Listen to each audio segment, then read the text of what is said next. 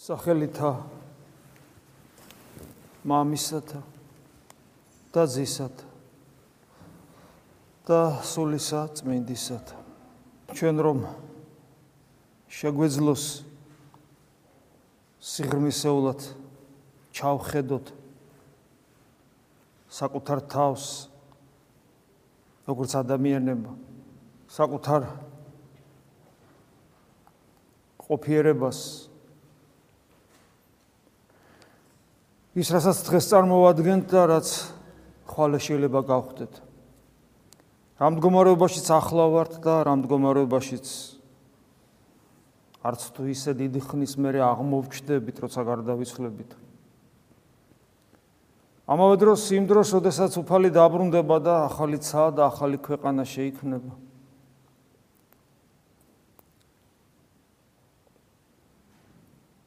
თუ რა ადგილი უნდა გვეკავოს ჩვენ იმ ახალ სამყაროში. თელეს უკიდეგანო სამყარო ღმერთმა ჩვენ სამყოფელად შექმნა. შეიძლება კითხოს ვამე ხოლმე რომ რატომ არის ეს სამყარო ამხელა რასაც დღევანდელი მეცნიერება გვაწვდის ინფორმაციულად რა ვიცი. ჩვენ ვენდობით ხო მეცნიერებას ესე ვამბობთ თუმცა მეცნიერება ხშირად გადახედავს ხოლმე თავის თავის თავის სოდნას სხვა რამე ცulis, მაგრამ ზოგადად სამყარო ძალიან დიადია. ადამიანის შესაძლებლობა, ფიზიკური შესაძლებლობისათვის აბსოლუტურად მიუწვდომელი. არა ცოტათი მიუწვდომელი, არამედ აბსოლუტურად მიუწვდომელი. ფიზიკური შესაძლებლობისათვის და არა სულიერი. სულიერად ადამიანი კიდე სხვა რამეს წარმოადგენს. ხო და რისთვის შექმნა ამ ხელა სამყარო? დიახ, ეს არის უზარმაზარი სახლი, რომელიც ჩვენთვის შექმნა. და ჩვენ ამ უკიდეგანო სამყაროში დაგვადგინა როგორც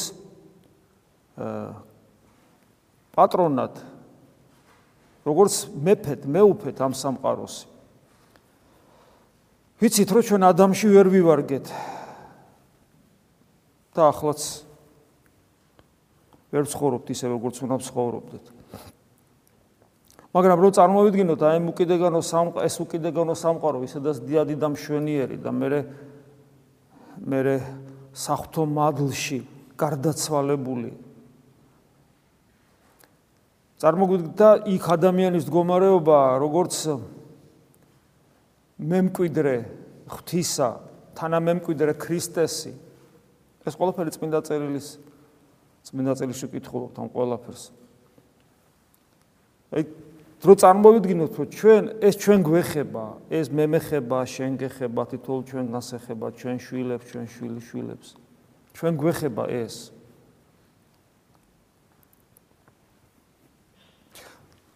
და აი აი ამ სიდიადეში შესასვლელად გვამზადებს უფალი. ყველაფერი იმით რასაც ჩვენ ვაკეთებთ, თუნდაც დღეს, აი ხლა აქ ამ წუთში.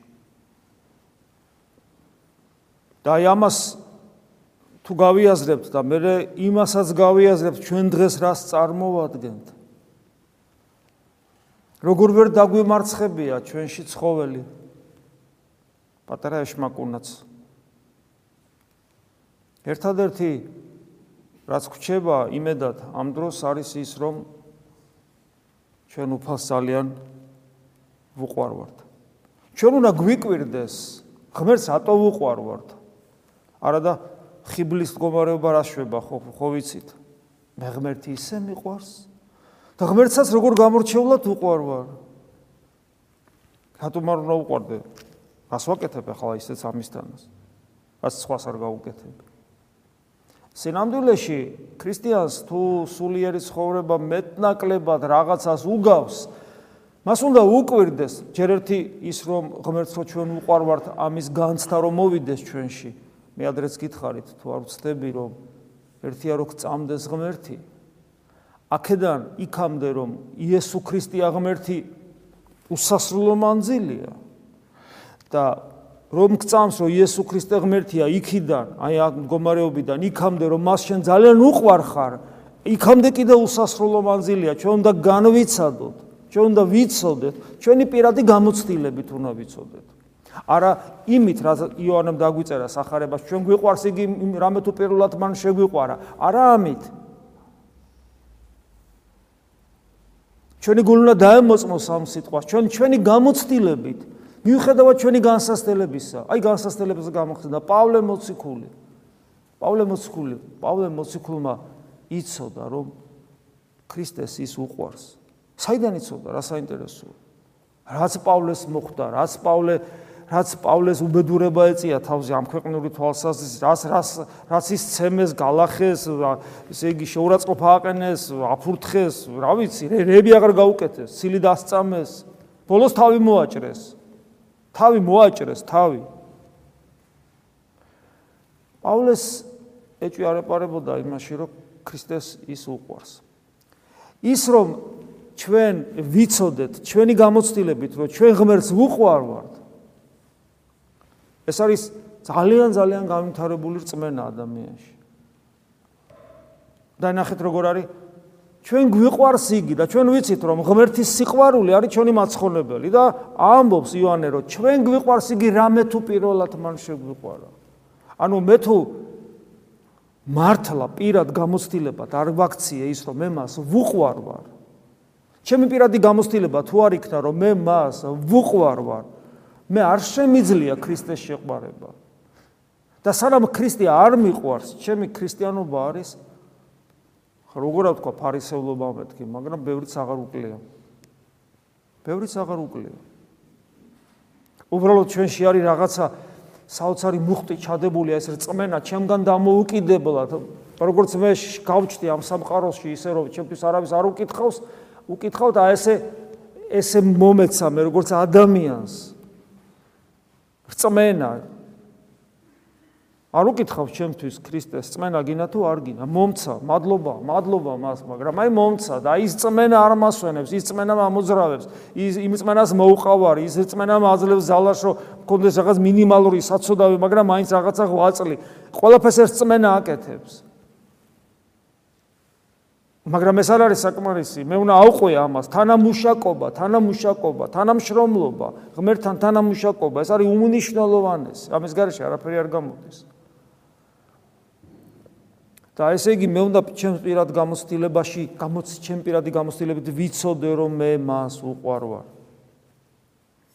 ხო და აი მე რომ მას უყვარ ვარ, ეს არის ჩემი გადამრჩენელი. ეს არის ეს ეს ეს მაძლევს იმედს, ეს მაძლევს ძალას, ეს მაძლევს ეს მანუგეშებს განსაკუთრებულად მაშინ, როდესაც უსუსურობას ვავლენ სულიერ ცხოვრებაში. და ამ უსუსურობას კიდე ყოველთვის ვავლენ. არც ერთი დღე არ არის, რომ თქვა რომ აი, აი ამ დღეს არა უჭირს კიდე. რა უჭირს? ნუ ეს დღე ისე გავიარე, როგორც ცოტათი მაინც სამოსან ქრისტიანად, ცოტათი, ცოტათი მაინც გავდი ქრისტიანად. ეგეთი დღე ჩემს ცხოვრებაში არ არსებობს. ხოდა ერთ-ერთი ნუგეში ეგ არის, რომ ვიცოდე რომ მე მას უყვარ. ოდესაც თუ ოდეს მე გიგზნიათ რომ თქვენ ქრისტეს უყვარ ხართ ისოდეთ რომ ეს ღვთის მადლი შეეხო თქვენს გულს. ოღონდ იმ დროს არა, ოდესაც რაღაცა საქმის საქმე გამოვა, რაღაცა პრობლემა გაქვთ და მოგიგვარდებათ. ამ დროს არა. ამიტომ რომ პრობლემები უგვარდება ყველას. ნებისმიერი სარწმუნოების მიმდევარს, ათეისტსაც, კეთილსაც და ბოროტსაც. ყველას უგვარდება პრობლემები ღმერთისგან, ღმერთისგან უგვარდებათ პრობლემები. სასწაულებრივად ინკურნებიან არა მარტო ქრისტიანები, არამედ ურწმუნო და უსჯულო ადამიანებიც. დიდხანსაც ცოცხლობენ და ყველაფერი სიკეთე ეძლევა და ენიჭებათ. იმიტომ რომ ღმერთი ყველაზე ზრუნავს, პატარა ჩიტუნიებზეც კი. ქუჩაში რო ზაღლები დარბიან, იმაძე ზრუნავს. ისინიც უყვარს უფალს. ამიტომ ჩვენ როცა ღმერთი შეგვეწევა რაღაცა პრობლემის მოგვარებაში, ეს არ ნიშნავს იმას, იმ გამოცდილებაზე არ გელაპარაკებით. აი ღმერთს უყვარ ვარ, იმიტომ ეს პრობლემა მომიგვარა და სხვასაც მოუგვარა. ეს სხვა გამოცდილება, ეს არის სულიწმინდა სულიწმინდი სეული გამოცდილება ჩვენ შიგნით რომ უნდა გქონდეს. სხვა რამე სიტყვით არ გამოითქმება. ამიტომ თუ თქვენ ცხოვრებაში ხანდახან არის ხოლმე იმის განცდა რომ ღმერთს უყვარ ხართ და მე ამასთან მოდის განცდა რომ და რატო უყვარ ვარ? და რა რა რა რა დამსახურების გამო უყვარ ვარ? აი, როცა ეს ორი ვერდროულად მოდი, უყვარ ვარ და რატო უყვარ ვარ? და მადლიერების განცდა მოდის, აი ამ დროს თქვენს გულს ღმერთია შენახება. ღმერთი გასაჩუქრებთ. დაუმსახურებლად გაძლევთ მადლს.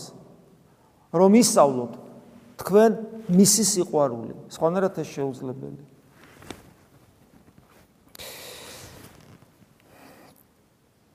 ორი 1000 წელზე მეტია, რაც ეკლესია ამ სამყაროში არის როგორც ქრისტეს მისტიკური სხეული, როგორც ღვთის სამეფო. და დაიწყო ყველაფერი მოციქულებიდან. და აი მოციქულები ესე საუბრობენ, ეს საქმე მოციქულთა მეათე თავია. პეტრე მოციქული ამბობს ამას. ეუნება ხალხს. ჩვენ ვართ ყველანი ამის მოწმენი, რისი მოწმენი? ქრისტეს ყოფობის მოღვაწეობის ჯვარცმის და მე აღდგომის და ამაღლების მოწმენი ვართ. მოწმე მოწმე ამ შემთხვევაში ანუ აქ წვენაზეც არ არის საუბარი. მანიცის მოწმეა. ყველაფერი არის თავის თვალით ნახა. ჩვენ ვართ ყოველივე მის მოწმენი, რაც მოიმოქმედა მან იუდეველთა ანუ ქრისტემ, იუდეველთა ქვეყანაში და იერუსალემს. ბოლოს იგი ძელზე დაკიდეს, ძელი ამ შემთხვევაში ხეს ნიშნავს. ხეზე, ანუ ხიხი, ჯვარი ხის იყო. და მოკლეს. მაგრამ ღმერთმა აღადგინა მესამე დღეს და მისცა ძალა. გამოცხადებოდა მთელ ხალხს, კი არა, არამედ ღვთის მიერ წინასწარ არჩეულ მოწმებს. მათთვის გასაგებენაზე ლაპარაკება. ბოლომდე პეტრესაც გაცნობიერებული შეიძლება არ აქვს. ნელ-ნელა ხდება ამის გაცნობიერება. მაგრამ ნებისმიერ შემთხვევაში ხალხს ვერ დაელაპარაკება, რომ ის ვინც მოკლეს, ის არის galaktikების სამყაროს შემოქმედი, ის არის თქვენი მამაპაპას ღმერთი. ამას ვერ ეტყვის, ვერ გაიგებენ. მაგრამ ელაპარაკება ეს, რაც თავისთავად სწორია, ძეხვთისაა და როცა საუბარია, რომ თქვა ღმერთმა მისცა ძალა, მას როგორც ადამიანს მისცა ღმერთმა ძალა, ეს ყველაფერი სწორია. თუმცა ეს ისეთი ფორმით არის მიცემული ამ შემთხვევაში, რომ მათთვის ეს დასატემნი იყოს. იმიტომ რომ ღვთის იესო ქრისტეს ღმერთობის დატევნა ჩვეულებრივ ყველა ადამიანს უჭირს, თითოეულ ჩვენგანს უჭირს. იესო ქრისტეს ღმერთობის დატევნა ჩვენ გვიჭირს ყველას. თუ ჩვენ გონია რომ არ გვიჭირს, ვწდებით. ჩვენ რომ ბოლომდე გააზრებული გქონდეს იესო ქრისტე რომ galaktikების შემოქმედია, ჩვენთვის შეიძლება ზიარებას კი შეუძლებელი გამხდარიყო, ვინ იცის. ძალიან ძნელია, ესე ადვილი არ არის ღმერთს ესე იღო პირი გააღო და შეჭამო. ძალიან რთულია ეს. ღმერთი ჩვენს თავისუფლებას ძალიან უფრთხილდება. ის ძალიან ფაქიზად გვეხება, უფაქიზესად, რომ არ შეიზღუდ, არ არ დავიდრგუნოთ. არ დავიდრგუნოთ, როგორც პატარა ჩვილ ბავშვებს ისე გზდის, ნელ-ნელა, ნელ-ნელა. და ნახეთ, ღმერთმა აღადგინა მესამე დღეს და ხო, მისა ძალა გამოცხადებოდა მთელ ხალხს კი არა. ეს საინტერესოა. ანუ ყდრეთით აღდგარი მაცხოვარი, ანუ ქრისტე რო აღდგა ყდრეთით, ეს ეს გამოცდილება თელ ხალხს კი არა აქვს. ანუ ყველას კი არა აქვს. არამედ ღვთის მიერ არჩეულ მოწმებს, ისევ მოწმეს ახ. ანუ მოწ ვინც ვინ არის მოწმე? ვინც თავის გამოცდილებით იცის. ეს არის მოწმე ამ შემთხვევაში. მე ჩემი გამოცდილებით ვიცი, რომ იესო ქრისტე ვინ არის და რომ იგი აღდგა მკვდრეთით. ანუ მე მისი ღმერთობის მწამს, მე მისი ღმერთობის მჯერა, მე მისი ერთგული ვარ. მოციქულების უმთავრესი ღირებულება იყო მიუხედავად მათი სისუსტეების, ეგივე პეტრეს სისუსტისა, რომ უარყო და რაღაც, მიუხედავად ამ ყველაფრისა, მათ უფალი უყვარდათ, იუდას გარდა. მათ უფალი უყვარდათ. აი ეს არის ეს არის ყველაზე მნიშვნელოვანი. ფაქტობრივად ვის ეცხადება, ვისაც უფალი უყვარს. და სიყვარული ხო უცნაური ფენომენია, ხო ძალიან. ძალიან უცნაური რამ არის. ეს არის რაღაც გულის მდგომარეობა, რომელსაც ბოლომდე ვერ ახსნი. და აი ესეთ ადამიანებს ყველას არ ეცხადება, არც პილატეს გამოეცხადა, არც ანანიას და ესე იგი კაიაფას გამოეცხადა, არც არავის, არავის ეს ეს ხო არც იროდის არ გამოეცხადა, ხო არც სხვა ფარისევლებს არ გამოეცხადა. არა, აი გამოეცხადო, რო გამოცხადებოდა, ხო? აი აი რა იქნებოდა, რა საინტერესოა. თუმცა თუმცა ადამიანი ისეთი არსებაა, რომ აგე ლაზარე აღადგენა მკვდრეთი და ლაზარეს კიდე მოუკლათო. ანუ კიდე მოკლას მოუნდომებდნენ ესეთი ადამიანი. ჩვენ გამოგვეცხადა, ანუ რომელნიც მასთან ერთად ვჭამდით და ვსვავდით. ნახეთ, ვჭამდით და ვსვავდით მისი მკვდრეთით აღდგომის მერე. ნახეთ, რას ნიშნავს ვჭამდი და ვსვავდი მისი მკვდრეთით მასთან ერთად. ანუ ყდრეთით აღდგარ მაცხოვართან ერთად ჭამდი და ვსვავდით. ანუ ჩვენს ყოფაში შემოვიდა. ადამიანა ქვეყანაზე ჭამს და სვავს, ანუ ცხოვრობს ყოფიერი ცხოვრებით. ჩვეულებრივი ცხოვრებით. ადამიანი ცოცხალი თუა ჭამს და სვავს. აი ჩემ ყოფიერ ცხოვრებაში შემოვიდა ყდრეთით აღდგარი მაცხოვარი, ამას ამბობს პეტრე მოციქული. მან გვიბრძანა გვექადაგა ხალხისთვის დაგვემოწმებინა, რომ ის არის ღვთის მიერ განჩინებული ცოცხალთა და მკვდართა მსაჯულად. და ასევე მისაც წამს იგი მიიღებს ცოდვათა მიტევებას მის სახელით. ანუ მისიონერობაზე უბძანა, რომ ესე იგი მას მათი საქმე გაეგზალებინათ. ანუ ყდათით აღდგარი მაცხოვარი მოციქულების ცხოვრებაში შემოდის, ანუ ჭამდით, სვავდით და ჩვენთან იყო, შემოდის ყდათით აღდგარი მაცხოვარი მოციქულთა ცხოვრებაში იმისათვის რომ მათ ქრისტეს საქმე გააგრძელონ. ეს ყველაფერი ძალიან კარგია. ну, ჩვენ ხო გწამს მინდა წერილის და გწამს და ვკითხულობ და ეს ესე იყო. და ჩდება კითხვა და ჩვენ რა? ჩვენ რა კავშირი გვაქვს აი ამასთან? რა ეკლესია ისტორიას გვიყვება? ისტორიას? არადა პავლე მოციქულის სიტყვები ხო ვიცით, რას დაიწერა ჩვენ სამოძღვრებლად დაიწერა. ესე იგი ეს ისტორია ისტორიაც არის თავისთავად ცხადია, მაგრამ ეს ჩემთვის ისტორია კი არ არის. ეს ჩემთვის ის არის, რაც ჩემი გასაკეთებელია. რისი თანამონაწილეც თანაზიარიც მე უნდა გავხდე. მე აი ამ მდგომარეობაში უნდა მოვიდე და მაგრამ როგორ? ის პეტრია, რომელიც ფიზიკურად იცნობდა ქრისტეს და უცებ მახსენდება პავლე რო არ იცნობდა. პავლე არაფერთ არ ჩამორჩება პეტრეს. თუ მეტი არ არის იმ გაგებით რომ პავლემ უფრო მეტად იმისიონერა პავლემ პავლემ უფრო მეტი ეკლესიები გახსნა პავლემ უფრო მეტი ადამიანი მოაქცია. პავლეს წერილები უფრო მეტი რაოდენობით არის. მეტი კი არა ყველაზე მეტი რაოდენობით არის. ანუ პავლემ რო იყვაცა ესე არც ერთ მოციქულს არ უღვაწია და პავლე რო არ იცნობდა ქრისტეს როგორც მე არ ვიცნობდი როგორც შენ არ იცნობდი რომ არ უნახავს საერთო თვალით მიწაზე არ შეხვედრიან ერთმანეთს. პავლეს ეს სიტყვები არ ეხება ეხება და რომ არ უნახავს, მაგრამ მაინც ეხება. მე და მეც მეხება და თქვენს გეხება. მე რერე რომ არ გვინახავს. ამიტომ ეს დაიწერა ჩვენ ეს მეკითხება, მე сахарება ეს წმინდა წერილი მეკითხება თუნდაც წირვაზე დღეს არა იმიტომ რომ ეს ისტორიას მიკითხავს ეკლესია არამედ იმიტომ რომ ეს მე მეხება მე მეც ესე მდგომარეობაში დავიყო და რომ არ მინახავს ეს არაფერს ნიშნავს და ეს სიტყვები რომ მე მისი მოწმე უნდა ვიყო რომ ის მე უნდა მე უნდა გამოცდილებით ვიცოდი რომ თქვით აღმდგარია ჩემს ყოველდღიურობაში.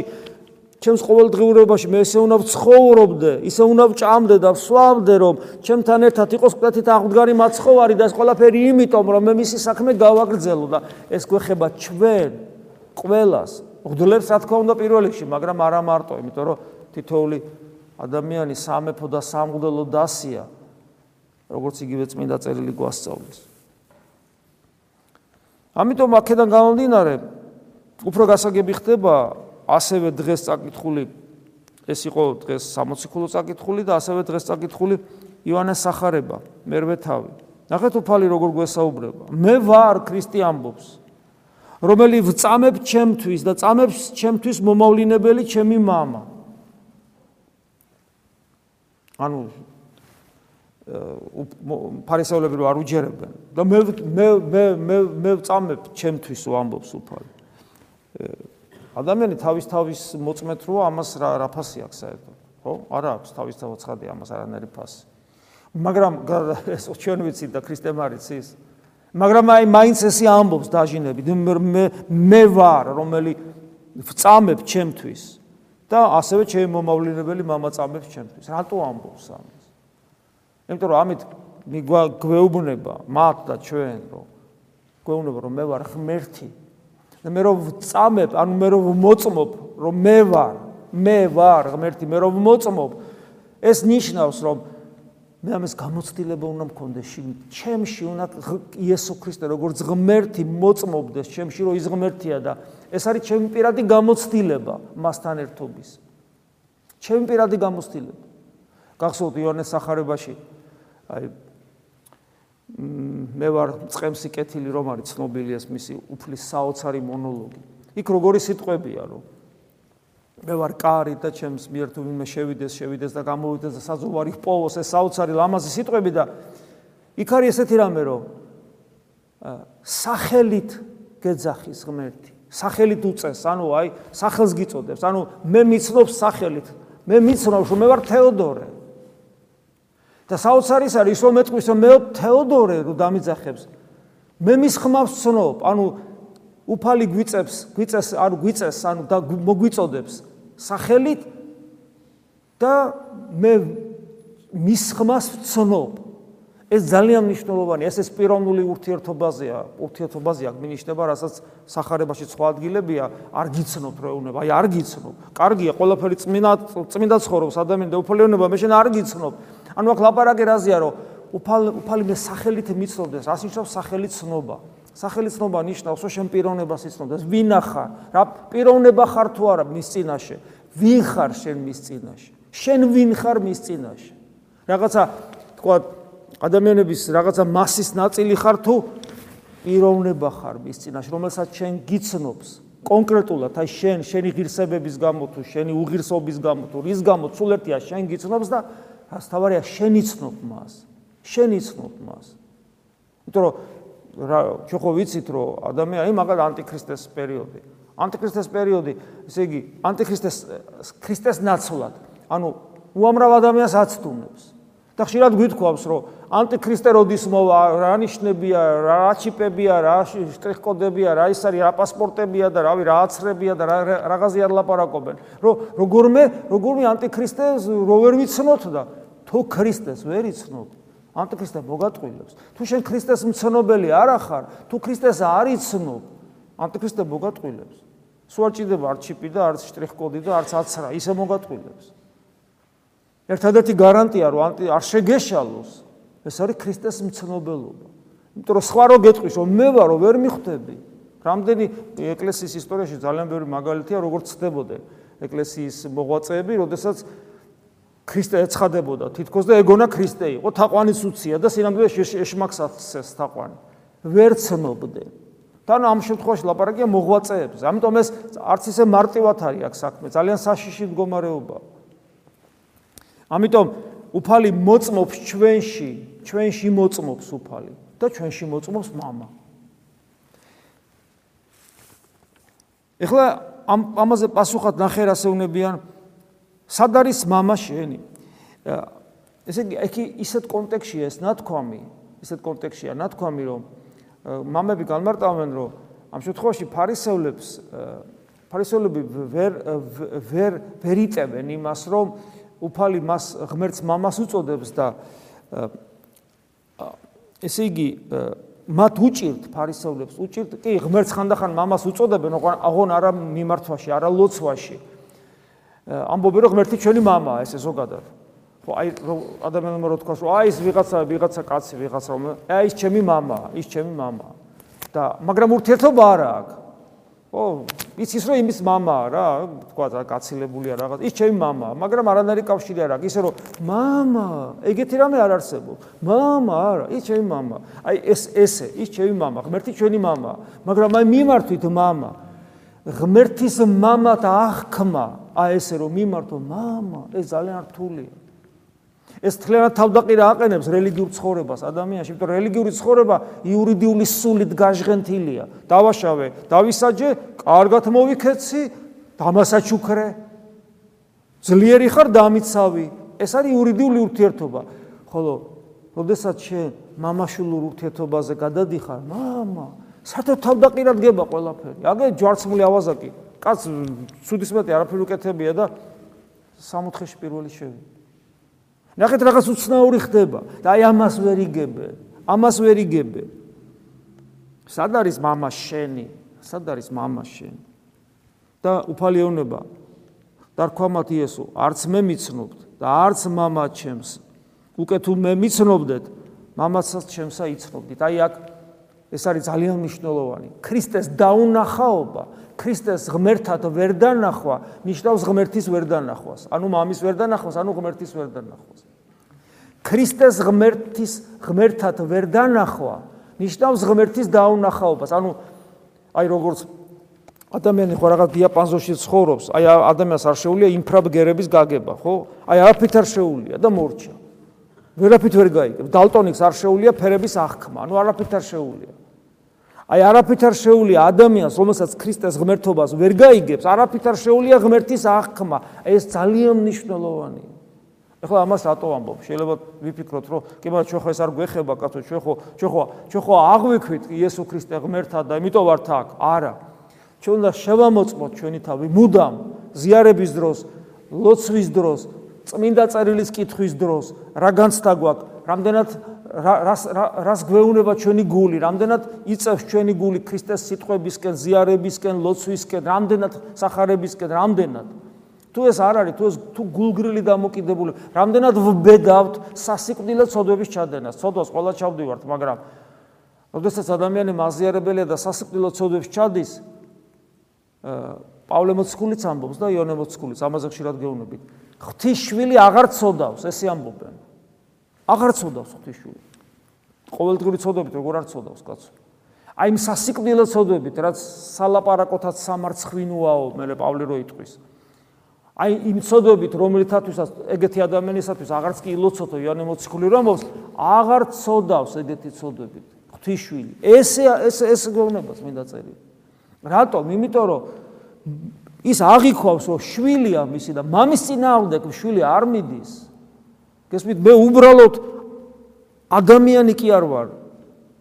არამედ მე მისი შვილი ვარ და რადგან მისი შვილი ვარ, მე ცნებას ვიცავ არა იმიტომ რომ ახლა ესე იგი თუ არ დავიცავი და ავისჯები, არა, ეს არის რაღაც აი მონის დონე, როცა ადამიანი პირველ ნაბიჯებს დგავს. ქრისტიანი იმიტომ არ წოდავს რომ შეიძლება საკუთარ მამას ებრძოლო? შეიძლება? არ ებრძვის ქრისტიანი საკუთარ მამას. არ ომობს მასთან, იმიტომ რომ შენ როგორც კი მის წინააღმდეგ წახვალ შენ გულს იპყრობს დემონი, ეშმაკი იპყრობს. აი ეს არის ძალიან მნიშვნელოვანი და აი აქ არის ეს ეს პრობლემა რომ მე თუ მე თუ არ მიც მე თუ ვერ მიცანი ვერც мама ისანი ანუ ღმერთი ვერ იცანი. ამიტომ ჩვენი დამოკიდებულება უფალთან უნდა მუდამ ვაკონტროლოთ, ვამოწმოთ, იმიტომ რომ ჩვენ ხო ჩემი თავიდან ვიცი. აი ისე არ ხეინავთ, ცოდავთ. და რა რა მამაშვილობაზეა საუბარი. რა თქმა უნდა, ამ დროს ღმერთს როგორც მამას ვერ აღვიქვავ და მე უკვე მოდის ეს იურიდიული მომენტი, ვაიმე არ დავისაჯო, ხო? ეს მაინც იყოს, ხო? აი ვაიმე არ დავისაჯო, ვაიმე რამე არ მომივიდეს. ე სულ არაობას ეს მაინც იყოს. მაგრამ ეს ქრისტიანობა არ არის. სხვა რელიგიაა. მე წარ მე რქვა მათიესო მე წარვალ და მეძიებდეთ მე და არ ამპოვოთ და ცოდვათა შინა თქვენ მოსწყდებით. ვიდრე იგი ანუ სადაც მე მივალ თქვენ ვერ ხელგეწიფების მოსვლად ეს ძალიან საინტერესოა. მე მივდივარ მეძებთ მაგრამ ვერ მიპოვით. და ცოდვაში მოსწყდებით ანუ დაიღუპებით. სადაც მე მივალ თქვენ არ შეგიძლიათ იქ მოსვლა. აი ეს პირდაპირ არის აი როგორ გითხრათ ვალ თითქოს აი გვიბიძგებს ეს სიტყვები ისიქასტური პრაქტიკისკენ, გონების მიერი ლოცვისკენ. იმიტომ რომ ეს არის რეალობა, ქრისტეს ჩვენ ვერ ხედავთ, ქრისტეს ჩვენ ვერ განვიცდით, ეს არის რეალობა. ვე ეს არის რეალობა. და სულიწმინდა როგორც სხვა ადგილას ამბობს, სულიწმინდა გვამხელს ამაში, რომ ქრისტე არ არის ჩვენთან. მიდი აბა, შეიძლება რომ ქრისტე რომელიც ამბობს, რომ მე თქვენთანა ვარ მარადიულად ერთის ხრივ, ხო გჯერა წმინდა წერილის? და თუ ეზიარები თუ ჭამ ჩემს სიზდახოს მე თქვენში შემოვდივარ ხო ხო გვეუნება ამას და მეორე ხრი და აბა აბა სად არის გულწრფელები თუ იქნებით აბა აბა აბა სად არის და სადაც მე ვარო თქვენ არ შეგიძლიათ იქ მოხვიდეთ. მეძებთ და ვერ მპოულობთ. უხილავია, მიუწვდომელია, გამოუთქმელია, შეუცნობელია. და აი აქ არის სწორედ ქრისტიანის გმირობა. არ ეშვება და ეძებს. არ ეშვება, მთელი ცხოვრება, ცხოვრებას უძღუნის. არ მოგეშვები, სანამ არ გიპოვი. აი აი აქ არის ზღვაწლი დაფარული. აი ზღვაწლის საჭიროება. აი აქ აქ ჩანს ეს.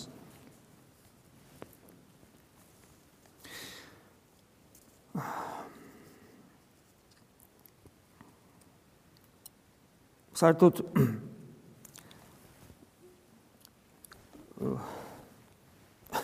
წმინდა წერილის კიდე რაღაც მუხლები მაქვს რაც დღეს წავიკითხეთ იმის იქითაც რომელი ერთი რომელი ეს არის აი როგორ გითხრათ რა გემოთ მოყარე ადამიანის უფრაზე რომ დაждდება და შეჭამს, მე კიდე შეჭამს, მე კიდე შეჭამს, მე კიდე რომ არ ჩერდება, სანამ არ გასუქდება, ხო ეს აი ესია, ყოველ სიტყვაში საოცრებაა და ეს დაუსრულებლად შეიძლება გაგზელდეს. დიდება უფალს ამისათვის რომ დაუსრულებლად შეიძლება გაგზელდეს და ამიტომ შევწყვიტავთ იმისათვის რომ მოგოცეს კიდევ ვიმეორებ აი სტიმული კონდეს იმისა რომ ვიტყვი რამდენიც არ უნდა წაიკითხო ვერ ამოწურავ. ეს არის საოცრება.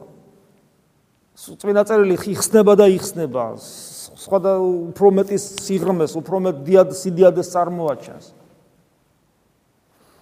მაგრამ ეს ყველაფერი თეორიად დარჩება თუ პრაქტიკაზე არ გადავალ და პრაქტიკაზე არებასთან ერთად არის გონების მიერი ლოცვა, ლოცვა ვისწავლოთ და საკუთარი თავი შევამოწმოთ ადამიანებთან ურთიერთობაში. და ჩვენ შინაგან სამყაროს დაუკვირდეთ და ჩვენი ცნობიერება იკვებება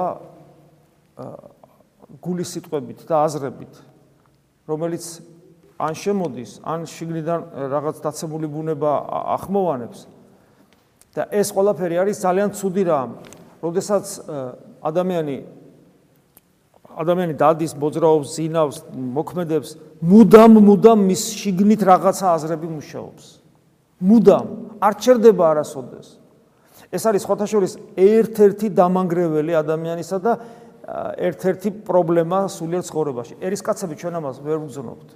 იმიტომ რომ ჩვენ იმდენი საქმე გვაქვს, სულ შთაბეჭდილებებით სავსე ვართ და ძალიან ხშირ შემთხვევაში გარეთ ვიმყოფებით.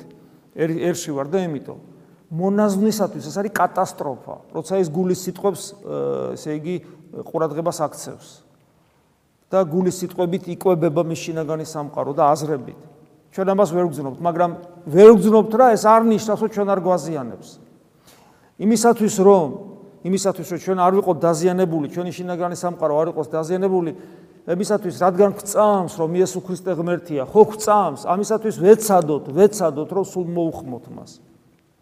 სულ მუდამ მოუხმოთ მას.